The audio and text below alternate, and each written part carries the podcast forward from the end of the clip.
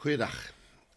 Um, welkom op onze podcast. Vandaag duiken we in, de belangrijke, of in het belangrijk onderwerp over wachtwoorden. Wat is een sterk wachtwoord, wat is een goed woord, wachtwoord, wat is een slecht wachtwoord enzovoort. Of je nu inlogt op je sociale media, je e-mailaccount of je online bankieren. Tegenwoordig wordt overal een sterk wachtwoord aanbevolen en het is eigenlijk essentieel om je persoonlijke gegevens en uh, je online veiligheid te, te, beschermen. Maar er zijn heel veel discussies over wat is nu eigenlijk een wachtwoord. En uh, wat zijn eigenlijk de minimale vereisten uh, aan wat een wachtwoord eigenlijk moet voldoen. En daarover wou ik het even hebben in deze podcast. Um, ik zou zeggen hoofdstuk 1 of deel 1. Hè. Wat maakt een wachtwoord eigenlijk goed? Een uh, goed wachtwoord dat bestaat eigenlijk uit een combinatie van, van complexiteit, van lengte en uniekheid. En daarvoor zijn er eigenlijk een, een, aantal belangrijke kenmerken die je kunt overwegen als je dus een wachtwoord kiest. Ten eerste, hoe langer, hoe beter het wachtwoord. Minimaal 8 naar 12 is al een goede lengte. Het wachtwoord um, moet ook een beetje complex zijn. Dus een mix van letters, cijfers, speciale tekens eventueel, maar niet uh, voor hand liggende combinaties. Dus bijvoorbeeld, het is niet omdat je een eh, wachtwoord moet hebben van 12 cijfers of 12 letters, dat je dan zegt bijvoorbeeld 1, 2, 3, 4, 5, 6 en dan het woord azerti erbij. Um, ook bepaalde standaard woorden, zou ik zeggen, uh, zijn beter niet te gebruiken. Dus het moet eigenlijk uh, ja, een beetje een unieke combinatie zijn. Um, ja, uh, daar worden heel veel discussies over gedaan. In feite wat goed en wat slecht is en wat dat eigenlijk een, een sterk wachtwoord is. Maar uiteindelijk, um, ieder wachtwoord is te kraken, vroeg of laat.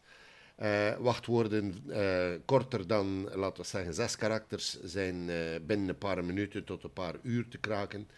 Um, wachtwoorden van 12 of 16 lang zelfs. En dan een combinatie van. Maar bijvoorbeeld verander niet de O door een 0, want dat is ook al gekend. Um, maakt het eigenlijk heel wat moeilijker. Wat moet je eigenlijk vermijden bij het kiezen van een wachtwoord? Om een um, um, ja, wachtwoord uh, mag, in, mag in principe, of, of ik raad altijd aan, mag geen persoonlijke informatie bevatten van u.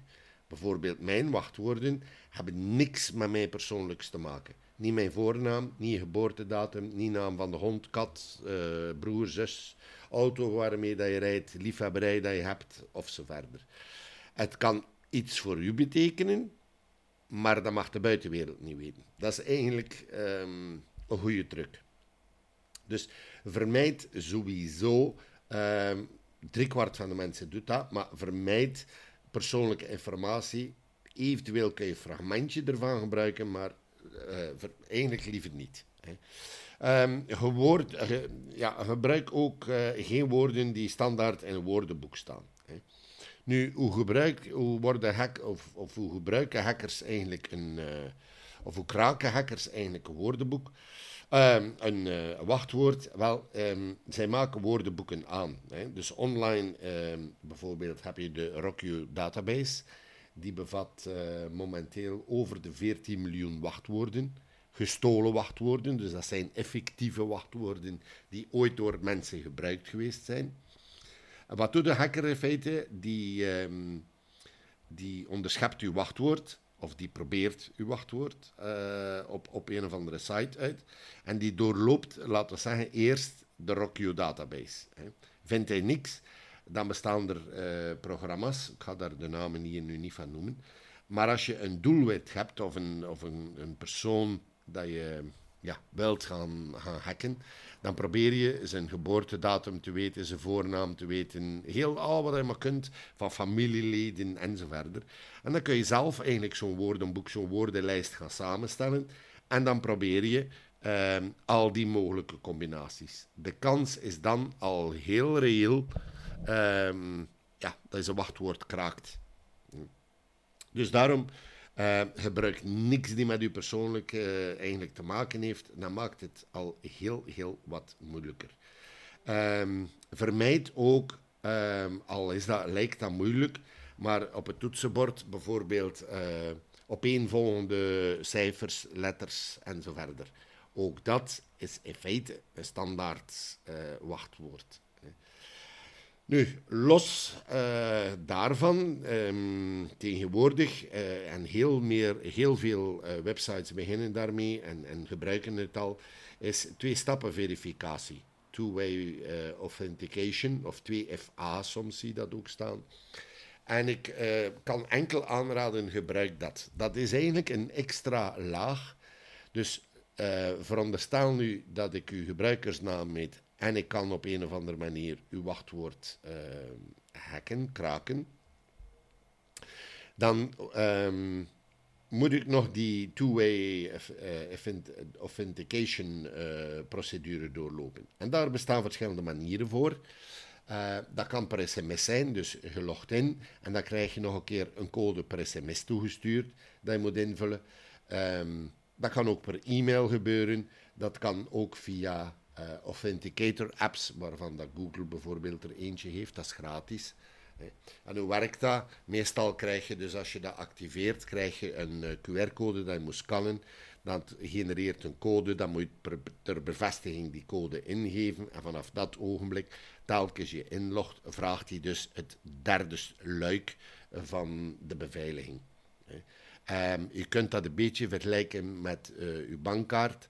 Um, je mocht eigenlijk het bankkaart, de bankkaart hebben. Je mocht weten van welke bank dat is, zolang dat je het pinnummer niet hebt. Dat is een heel eenvoudige manier van two-way authentication of twee-stappen verificatie. Uh, maar dat is eigenlijk wat het doet. Um, ehm, 100% veilig is dit niet meer.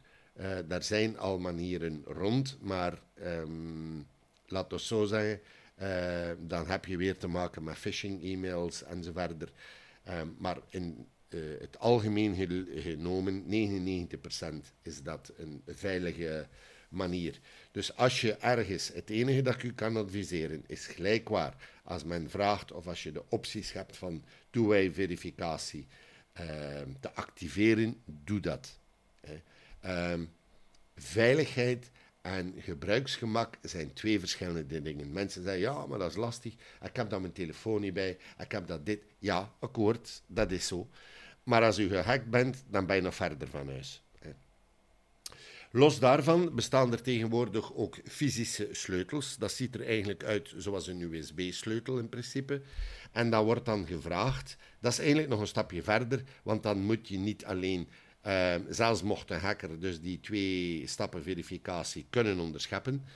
Um, met zo'n fysieke sleutel moet hij eigenlijk die sleutel hebben, moet hij die USB in handen hebben. Dus dat is nog een stap uh, verder. Persoonlijk gebruik ik de combinatie van de twee. Bepaalde dingen die die sleutel niet ondersteunen, gebruik ik altijd twee stappen verificatie. Daar waar ik kan, uh, gebruik ik de sleutel. Dus dat betekent zelfs. Um, als iemand uh, mij zou bellen en ik geef hem de twee-stappen verificatie, kan hij nog niks doen, want hij heeft de fysische sleutel niet. Zo kun je Windows en uh, MacBooks en zo uw telefoon nog niet, maar toch zeker al uh, MacBooks en, en, en Windows PC's, kun je zelfs beveiligen, zodanig als je de werkplaats verlaat en um, hij is verbonden met uw telefoon en de Bluetooth-verbinding verbreekt, sluit hij onmiddellijk die gebruiker af en die kan enkel en alleen weer inloggen als die fysieke sleutel aanwezig is. Dat zijn tot heden de beste manieren om u te beveiligen. Maar goed, dat is misschien goed voor bedrijven. Privépersonen zeggen, ja, maar dat gaat mij allemaal een stukje te ver.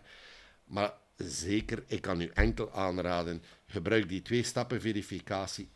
Ik weet, het is niet altijd even gemakkelijk, maar het kan u heel, heel veel uh, problemen besparen.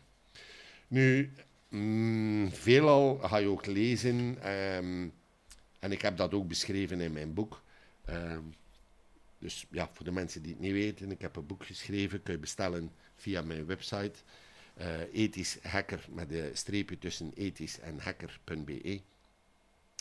Uh, wordt er aangeraden van wachtwoordbeheerders te gebruiken. Dat zijn programma's die eigenlijk al uw opgeslagen wachtwoorden uh, beheren, zodanig dat je eigenlijk maar één wachtwoord moet gebruiken. Nu, ik heb daar heel lang over getwijfeld en ik heb dan op een bepaald moment beslist van dat ook te gaan doen. Um, totdat in februari van 2023, dus van dit jaar, die sleutelmanager uh, werd gehackt en al de wachtwoorden op straat lagen. En ik merk dat. Uh, gelukkig heb ik twee-way verificatie aanstaan op mijn Google-account, uh, op mijn Gmail. Uh, want ik krijg heel regelmatig dus dat er inbreukpogingen zijn, maar ze lopen dus vast, voorlopig dan toch nog, op um, ja, dat, dat er dus een, een, derde laag gevraagd wordt. Dus gelukkig was dat zo. Dus ja, wachtwoordbeheerders, uh, password managers, maar eigenlijk met de ervaring dat ik nu zelf heb, raad ik het niet aan. Uh, wat ik wel nog kan aanraden, en ik weet het, mensen gaan zeggen, ja, maar dat is beu en ik doe dat niet graag en, en ik zie dat niet zitten.